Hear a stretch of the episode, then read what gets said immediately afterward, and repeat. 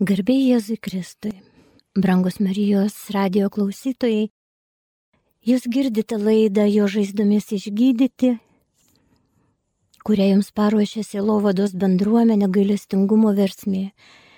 Ir su jumis šią valandėlę būsiu aš, Margarita Puluškinienė. Ir mes su jumis apie kągi daugiau galim dabar kalbėti. Visų pirma, apie Adventą Yra metas nutilti, nurimti, įsiklausyti į tai, kas vyksta mūsų širdise. Ir pagrindinė figūra, į kurią krypsta mūsų akis advento metu, tai jaunutė žydų mergaitė švytinčių veidų. Tokia tarsi apgaubta paslapties kraiste. Jos žvilgsnis nukreiptas kažkur į jos vidų, ji gyvena tuo stebuklu, kuris vyksta po jos širdim ten Dievo pažadas pasiklydusiam pasauliui pamažėle virsta kūnu. Visai netrukus pasaulis išvis Dievo gailestingumo veidą, o ji tampa išrinktai atpirkimo bendradarbę.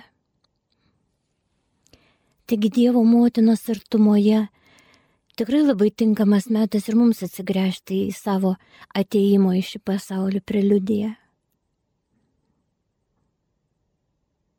Juk buvimas mamos iššiose tai yra ta vieta ir tas laikas, kai formuojasi ne tik mūsų fizinis organizmas, bet ir psichoemocinis pasaulis. Maža to, klojami netgi dvasingumo, santykių su kuriejų pamatai. Tai yra mūsų tiek fizinė, tiek dvasinė sveikata. Kažin ar kas šiandien atsimena, Bet anksčiau būsimos mamos buvo labai rūpestinga apsupamos globa, ramybė, gražia aplinka, gražiais daiktais netgi, saugomos nuo neigiamų patirčių, nuo sukrėtimų.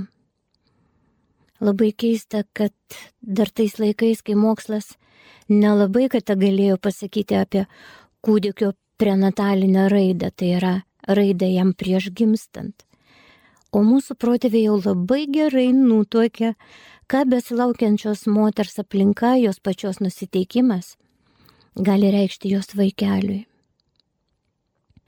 Deja, mūsų dienomis neštumas neretai suvokiamas beveik kaip lyga.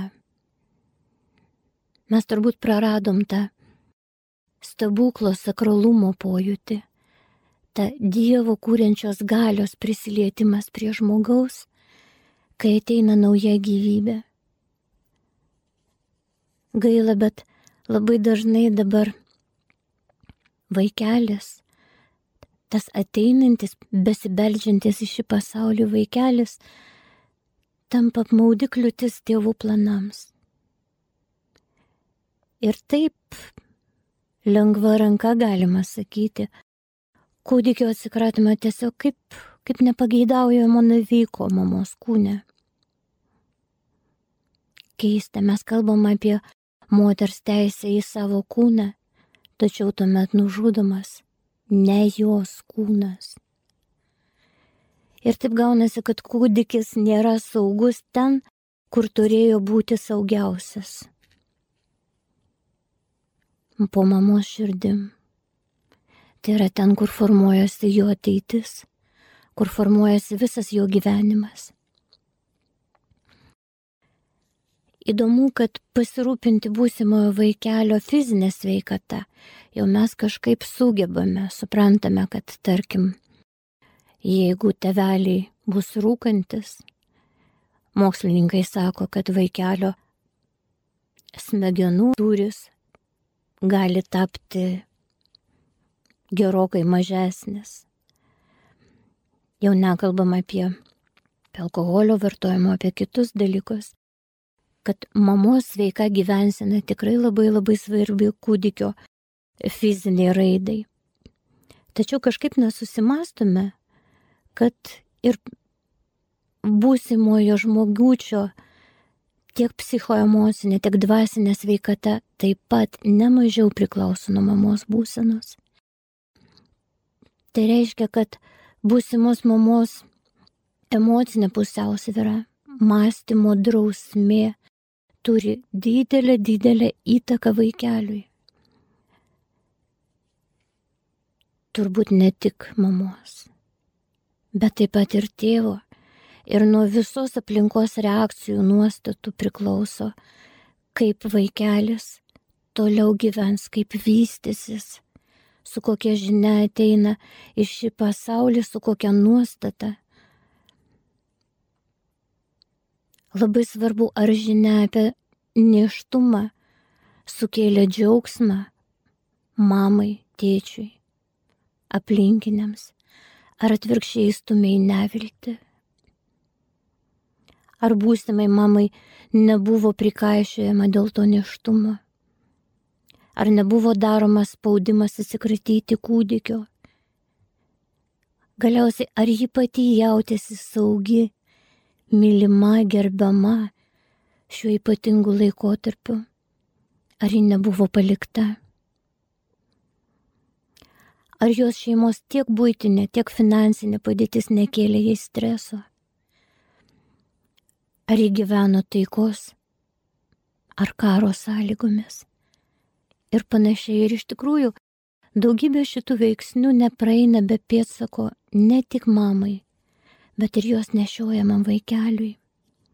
Pavyzdžiui, mes galim sakyti, kad vaikelis, taip vadinamas netyčiukas, neplanuotas, nelaukiamas, tas, kuris suardė mamos, tėčio, visos šeimos planus, taip pat ir paliktas vaikelis. Toliau savo gyvenime jaučiasi atstumtas, nereikalingas, tarsi našta. Ir bando su tą savo patirtimi, su tą savo skaudžia patirtimi, dorotis pačiais įvairiausiais būdais.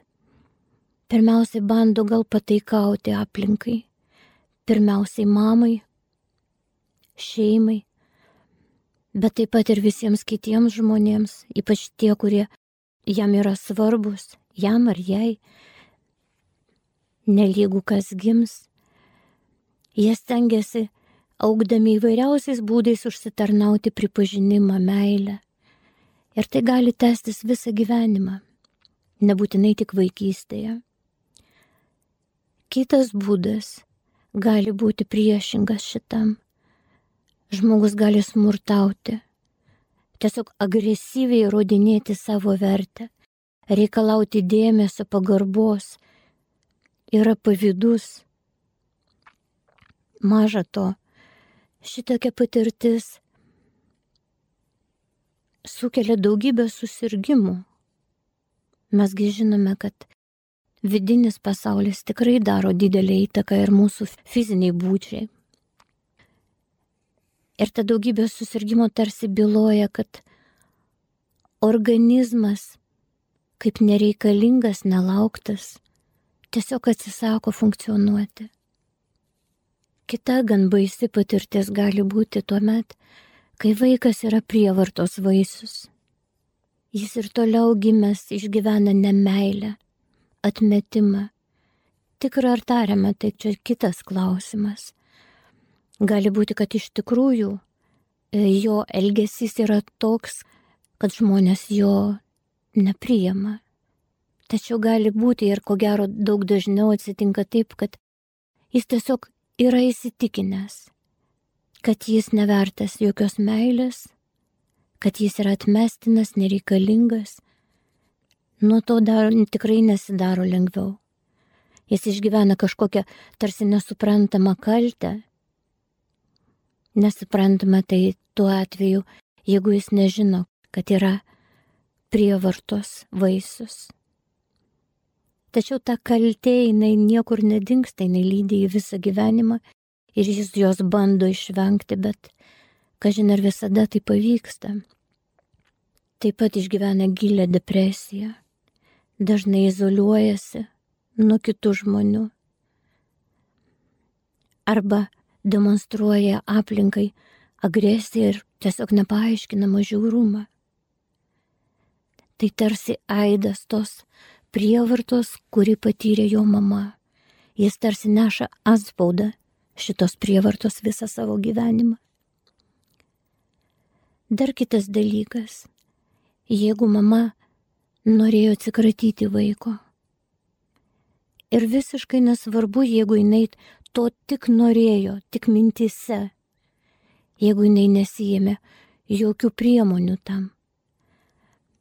Bet gali būti, kad tų priemonių ir ėmėsi. Ir abortas tiesiog nepavyko.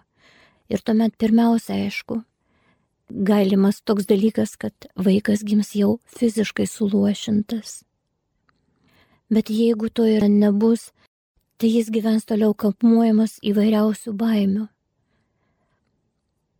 Įsivaizduokime, jeigu mažas žmogutis dar prieš pat gimimą išgyvena, kad jis yra tiek nereikalingas, kad norėtų jo atsikratyti kas pats artimiausias, pats brangiausias žmogus, tas, kuris turėjo užtikrinti visą saugumą. Ir toks žmogus toliau gyvena su daugybė neurozių, su depresija, su nepasitikėjimu nei savimi, nei kitais žmonėmis, su kažkokia tiesiog nesuvokiama neviltimi, kuri lydi jį arba tam tikrais gyvenimo tarpsniais, arba ištisai. Kitas dalykas, jis gali tiesiog lyguisti rūpinti savo sveikata. Ir tas lyguistumas jis yra sukeltas mirties baimės. Tos patirties, kurią jis išgyveno dar mamos iššiose. Priešingai, gali būti paslinkęs į savižudybę. Ir apskritai nevertinti gyvybės, nei savo, nei kitų. Kitas dalykas gali būti, kai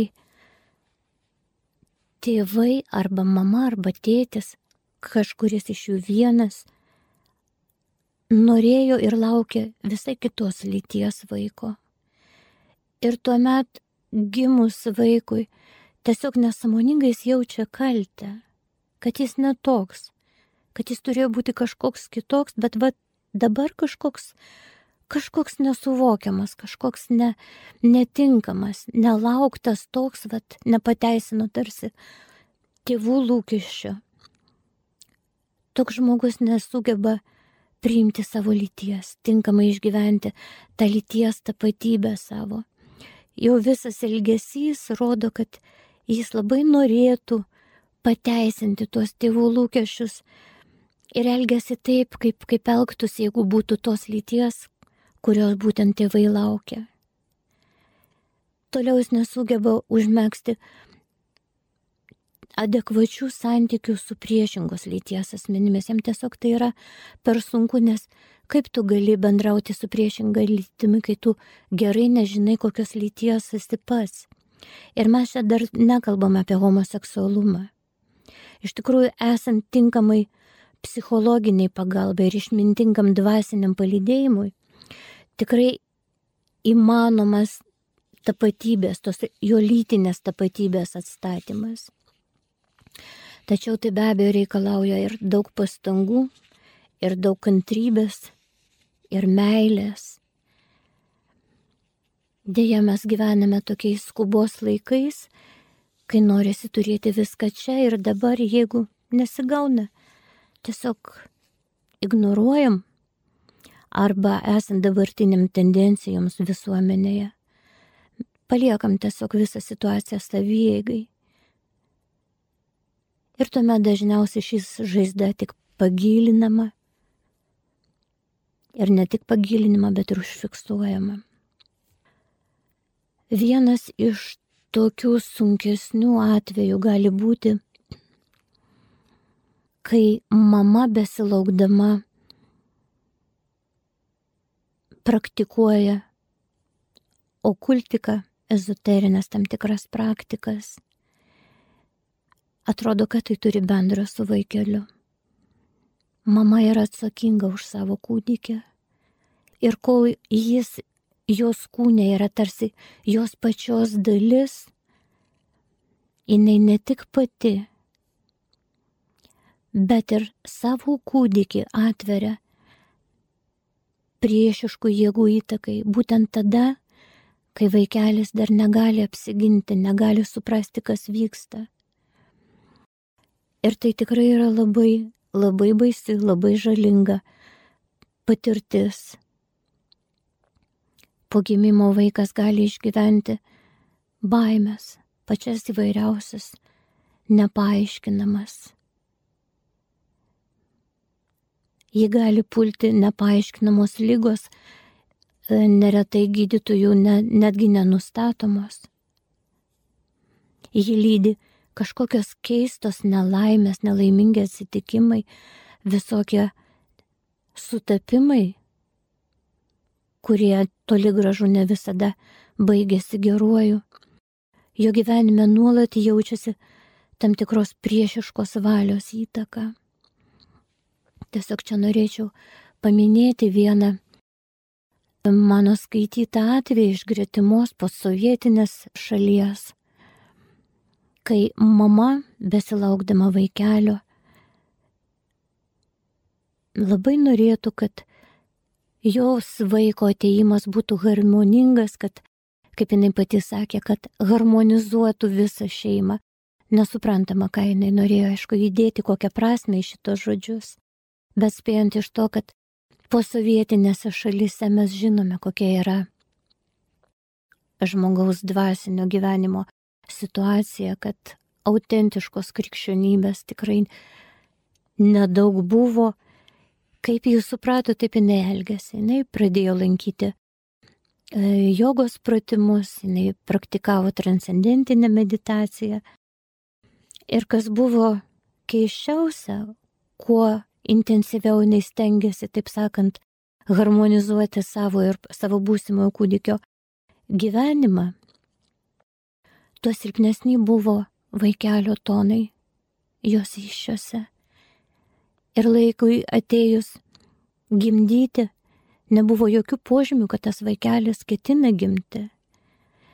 Ir kai buvo pernešiota, ta kūdikį jau 42 savaitės, Besikalbant su gydytoju, ačiū Dievui, kad pasitaikė išmintingas gydytojas, ji prasitarė apie šitas savo praktikas ir tuomet jai buvo pasiūlyta pasikalbėti su kunigu.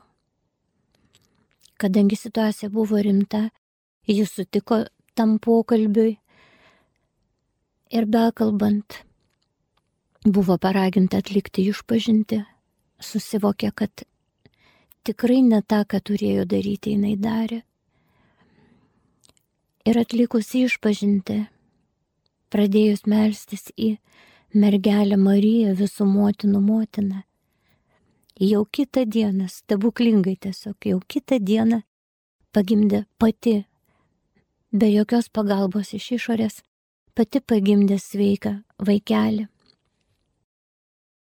Taigi dvasinis poveikis negimusiems vaikeliams yra tikrai realybė. Užtenka prisiminti mergelės Marijos ir Elžbietos susitikimą.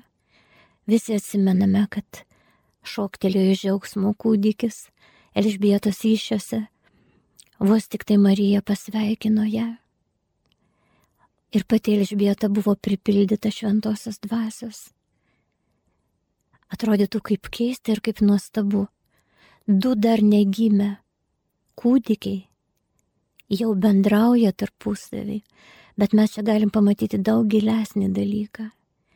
Dar negimęs Jėzus jau skleidžia savo išganingą veiklą Elžbietai ir jos dar negimusiam sūnui Jonui. Taigi nėra tokių dalykų, kurie liesdami mamą nepaliestų jos būsimo vaikelio. Maža to mes galim sakyti, kad netyčinės traumos, kurias vaikas patiria mamos iššiose, turi tokias pačias pasiekmes kaip ir tai, ką mes dabar išvardėm. Turbūt reikėtų pasakyti, kad suprantam, kad tai, kas buvo išvardyta, tai tai nėra toli gražu visas sąrašas to, kas galėtų mums nutikti dar prieš mūsų gimimą ir kokias pasiekmes tai turės mums. Tai nebent tik dažniausiai pasitaikantis dalykai. Tačiau tos netyčinės traumos, tai yra tos, kur mama tarsi ir nenorėtų, nei jos aplinka nenorėtų nieko, nieko blogo vaikeliui. Nenorėtų pakengti, tačiau tiesiog taip gavosi. Na, kaip pavyzdį galima būtų pasakyti, kad mamos prasta savijauta neštumo metu, kas tikrai nėra didelė retenybė, ir su tuo susijęs jos susierzinimas, tarkim, nekantrus greitesnio gimdymo troškimas, kūdikio gali būti išgyvenamos kaip, kaip tiesioginė agresija jo atžvilgiu, kaip jo kaltinimas už tuos patirtus nepatogumus ar tam tikras netgi kančias mamos. Ir taip atsiranda trauma, kuri vėliau formuoja jo elgesį, jo mąstymą, jo santykius tiek su mama, tiek su kitais žmonėmis. yra nuostabu, kad įrodyta yra, kad dar iki gimstant kūdikis jau yra samoningas. Tai nėra taip, kad tik tai jam gimus jo sąmonė pradeda pabusti. Jo prenatalinė patirtis yra fiksuojama atmintyje ir tai yra nustatyti daugybės mokslininkų, dirbančių psichologijos, psichiatrijos sritise. Tačiau nuostabu, kad tai buvo suvokta, palyginti visai neseniai, maždaug praeito amžiaus pabaigoje. Ir šita patirtis, kokia jinai bebūtų, ar jinai yra skausminga, ar jinai yra kaip tik labai teigiama, ji nugula į pasąmonę, labai giliai į pasąmonę. Ir tuomet formuoja žmogaus elgesį, jo santykius su kitais asmenimis, ir net su Dievu to elgesio pobūdį, jo reakcijas į gyvenimiškas situacijas. Ir kadangi jinai yra labai labai giliai paslėpta, tai yra viena iš pačių ankstyvųjų, pačių pirmiausių žmogaus patirčių, jie tikrai yra labai sunku pasiekti. Taigi norint padėti tokiam asmeniui, tikrai žmogiškom pastangom pasiekti taip giliai yra be galo sunku. Jau nekalbant apie tai, kad, kad ir atsiminti, ko gero, tai yra neįmanoma. Tai yra sunku, tai yra sunku žmogui, netgi specialistui. Tačiau tai nėra sunku Dievui kuris tikrai nėra žmogui abejingas, ar kaip kartais gali atrodyti, tai mūsų sužįsti prigimčiai, net priešiškas. Ne. Dievas nuolat liūdė savo palankų dėmesį žmogui, dar prieš jo prasidėjimą, už ką jį ir šlovina psalmininkas. Atsiverskime 139 psalmę kurioje kalbama, juk tu sukūrei mano širdį, numesgai mane mano motinos iššiose. Šlovinu tave, nes esu nuostabiai padarytas. Mano išvaizda tau buvo žinoma, kai buvau slapta kūriamas, rūpestingai sudėtas žemės gelmėse. Tikrai nei vienas iš mūsų, nei vienas žmogus, kaip be kalbėtų pasaulis, kaip be pirštų piktasis mums tokią mintį, bet nei vienas neatsirado atsitiktinai. Tikrai kiekvienas užima jam skirtą vietą, kiekvienas yra pašauktas į tą vietą ir į tą laiką, kur jis turi būti. Toj pačioj 139 psalmiai toliau sakoma, tavo akis matė mane dar negimusi į tavo knygą buvo įrašytos visos man skirtos dienos, kai ne viena iš jų dar nebuvo prasidėjusi. Tiesiog nustepkime Dievo planais, Dievo galybę išvelgti, ne tik pakviesti žmogų gyventi, bet išvelgti dar prieš jam prasidedant visą jo gyvenimą, nustatyti tą vietą, kur jisai turi būti pati tinkamiausia vieta, pati jam palankiausia vieta gyvenime, pas palankiausias laikas jam ateiti į šitą pasaulį. Ir kiekvienas iš mūsų, todėl tikrai esame dieviškojo plano dalis, ta mozaikos dalelė, be kurios visas paveikslas būtų neužbaigtas, netobulas, nefunkcionuojantis. Pranašų Jeremijų viešpats sako, dar prieš sukurdamas iššiose aš tave pažinau, dar prieš tau gimstat tave pašventinau. Ir kiekvienas iš mūsų tikrai yra ne tik tėvų, bet pirmiausiai paties Dievo vaikas. 71 psalmė sako, net dar negimęs tau priklausiau mano motinos iššiuose tu buvai mano jėga. Ir čia labai svarbu įsidėmėti būtent šitos žodžius, kad viešpas yra mūsų jėga, tai yra mūsų gynėjas, mūsų stiprybė. Tada, kai mes pasidarome nesaugus, atrodo toj pačioj saugiausiai mums skirtoj vietoj, mamos iššiose kai atrodo niekas negali mūsų apginti, tačiau ten ir ten šalia mūsų yra Dievas, Dievo meilė, Dievo švelnumas, Dievo rūpinimasis mumis. Ir todėl vaikas visada yra ypatingas dangaus palaiminimas. 127 psalmė sako, vaikai iš tikrųjų viešpaties dovana o iš jų vaisius palaiminimas. Tikrai, jeigu mes atrandame savo gyvenime tų požymių, kad kažkas nebuvo gerai prieš mums ateinant į šitą pasaulį, bet kada mes galime kreiptis į viešpatį ir prašyti, kad jis atitaisytų tai, kas mumise yra sužalota kas mumise yra sužeista, kas mumise tiesiog šaukte šaukėsi tos gydančius Dievo meilės prisilietimo. Ir dar taip nebuvo, kad viešpas liktų aklas ir kurčias tam, kuris jo šaukėsi. Jame iš tikrųjų mes su didžia nuostame atrandame tą rūpestingą, jautrų ir tikrą tiek tėviškumą, tiek motiniškumą. Tačiau juk ne visi gali suprasti ir priimti jo motiniškumą. Juk mes įpratome jį vadinti tėvu, vadinasi, jis yra tėtis ir kokia jaučia mama gali būti. Ir jeigu tikrai tai yra labai sunku, tuomet visada galima atsigręžti į tą, nuo kurios mes pradėjome mūsų pokalbį. Į tą, kurią nuo kryžiaus kaip paskutinį savo turtą mums atidavė Jėzus, kuri po kryžiumi tapo visų mūsų motina. Ji liko ištikima išganimo bendradarbė tiek Betlėjaus skurde, tiek Golgotos kančioje. Ir todėl viešpas jai suteikė didžiulę galę pagelbėti savo vaikams. Gali užtarti prieš savo dieviškai sūnų.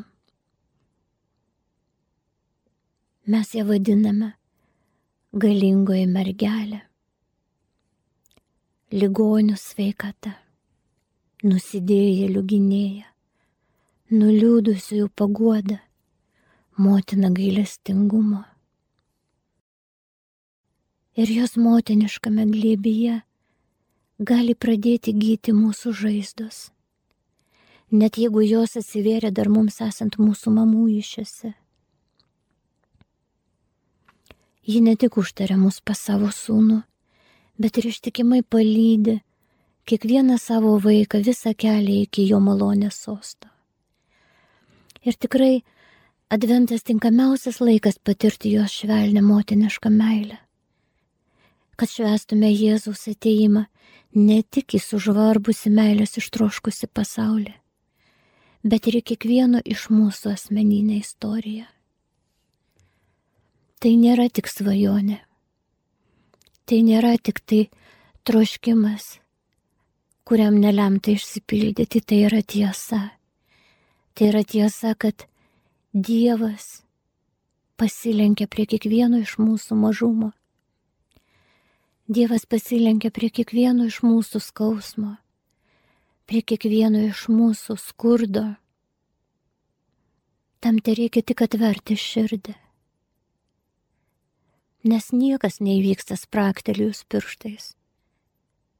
Juk tai ne magija, tai tikra, tai Dievo meilė tai gailestinga Dievo meilė, kurie daro stebuklus, kuri darė ne tik prieš du tūkstančius metų, bet dabar kiekvieną dieną daro mažus ir didelius stebuklus mūsų gyvenime. Mes sakome, Kalėdos stebuklų metas.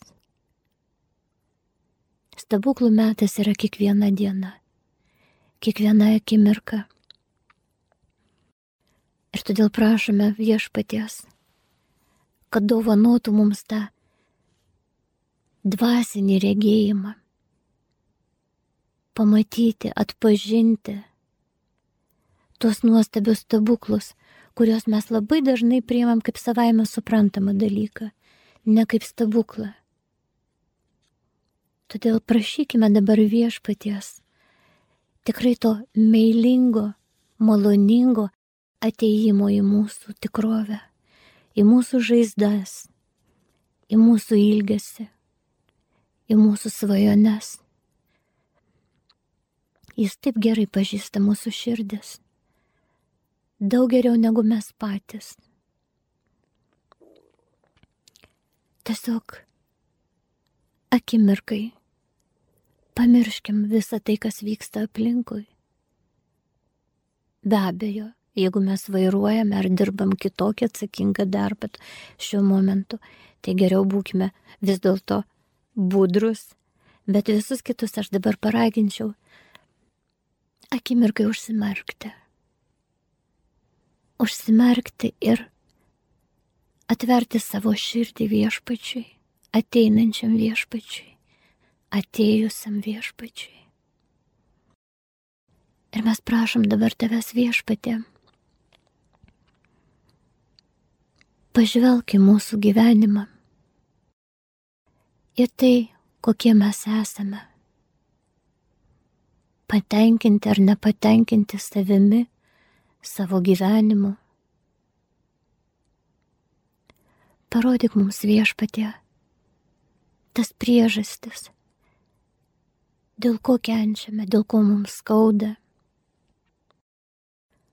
Padėk atpažinti viešpatė tas mūsų žaizdas ir tas tikras, kurias gal jau ir matome, ir tas paslėptas, kurios kankina mus tada, kai mes neturim jokio supratimo, kas tai. Tik kasdieną išgyvename skausmą, gal ne kasdieną, gal tik tam tikrom situacijom. Kažkas tarsi pasikeičia kažkas mumise užsiblokuoja ir mes elgiamės taip, kad dar labiau skauda. Viešpati padėk mums atpažinti, padėk mums atpažinti, kas įvyko dar prieš prasidedant mūsų istorijai šiame pasaulyje. Dar tada, kai tik tavo akis mus regėjo, kai slaptoje augome Viešpatė, padėk mums suprasti, kas tuomet vyko aplinkui, kas vyko mūsų mamų gyvenimuose. Ir jeigu tai kartais buvo mamos priešiškumas mūsų atžvilgiu, viešpatie duok mums tą gailestingąją širdį, leisk, kad ji nebūtų užkietinta. Padėk mums suprasti, vienokį ar kitokį mamos poelgį. Suprasti, dėl kokių priežasčių vienaip ar kitaip įvyko, kodėl jos ilgesys, jos mintis, jos norai, jos troškimai mūsų žaidė, taip sužeidė, kad tos žaizdos skausmą mes nešamės per gyvenimą.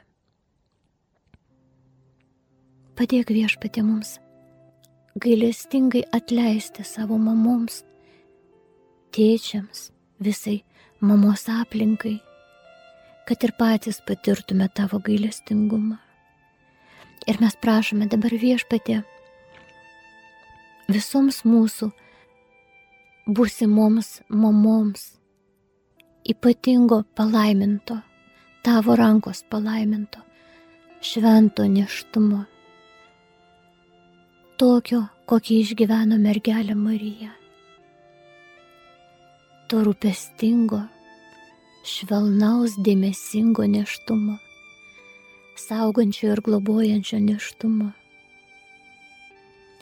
Pavedame tau viešpatie visus dabar į pasaulį jau ateinančius, besibeldžiančius vaikelius. Viešpatė pasirūpink jais. Dar prieš jiems gimstant prisiliesk viešpatė prie jų gyvenimų. Kad jų patirtos žaizdos užsitrauktų, užgytų ir netaptų jų gyvenimo kančios priežastimi. Mes melžiame viešpatį taip pat ir už mūsų pačių buvimą mamos iššiose, už tą laiką, kai jautėmės bejėgiai, išsigandę, įskaudinti. Galbūt mes visiškai to neprisimename. Bet tai padarė paliko tam tikrą ženklą mūsų gyvenime. Viešpatė, tau neegzistuoja laikas. Mes prašome, kad tu dabar su visa savo meilė, su visa savo galingąją, gailestingąją meilę ateitum į mūsų pradžią. Kad apsaugotum mus, kad tikrai būtum mūsų jėga mamos iššiose kad būtų mūsų skydas, kad būtų mūsų apsauga. Viešpatie, tu gali iš tikrųjų atitaisyti tai, kas netitaisoma. Tu gali išgydyti tai, kas nepagydoma. Tu gali bet kokio liūdėsio ašaras paversti džiūgavimu. Mes pavedam dabar tau viešpatie savo suvoktas ar nesuvoktas žaizdas. Tas, kurias atsinešėm iš to slėpiningo laiko mamos iššiose. Mes prašome, kad tu viešpatie lydėtum mus tame gyjimo kelyje, kad tu uždėtum savo gydančią ranką viešpatį ant mūsų likimo, ant mūsų pačių kad tu ištaisytum tai, kas buvo sužeista ir sužalota. Viešpatė mes prašome, kad tu niekada neleistum mums pamiršti, jog kiekvieną mūsų gyvenimo akimirką, nuo pat prasidėjimo. Iki pat ateimo į tavo glėbį, tu esi su mumis. Ir mes galime tavęs prašyti. Ir turime tavęs prašyti, kad pamaitintum ir pagirdytum savo meilę, savo tiesą, savo švilnumu, savo šviesą. Palaimink mus, mūsų mamas ir dar gyvas ir jau išėjusias. Viešpate atlygink už kiekvieną pastangą, už kiekvieną gerą žodį, už kiekvieną gerą darbą, už kiekvieną nemigo naktį. Viešpatie, mes pavedam tau kiekvieną mamą. Ir atsiduodami tavo rankas, žinodami viešpatė, kad tai pati saugiausia vieta, kurioje tik tai galime būti. Mes dėkojame tau viešpatė, dėkojame už gyvenimo dovaną, dėkojame už mūsų mamas, Dėkojame, kad tu esi su mumis dabar ir būsi visada. Mes tikimės. Būsime su tavim, tavo glėbyje, tavo artumoje, kur išnyks bet kokia kančia, bet koks skausmas, kur tu kaip pažadėjai, nušuostysi kiekvieną ašarą nuo mūsų akių. tau garbė ir šlovė per amžius. Amen.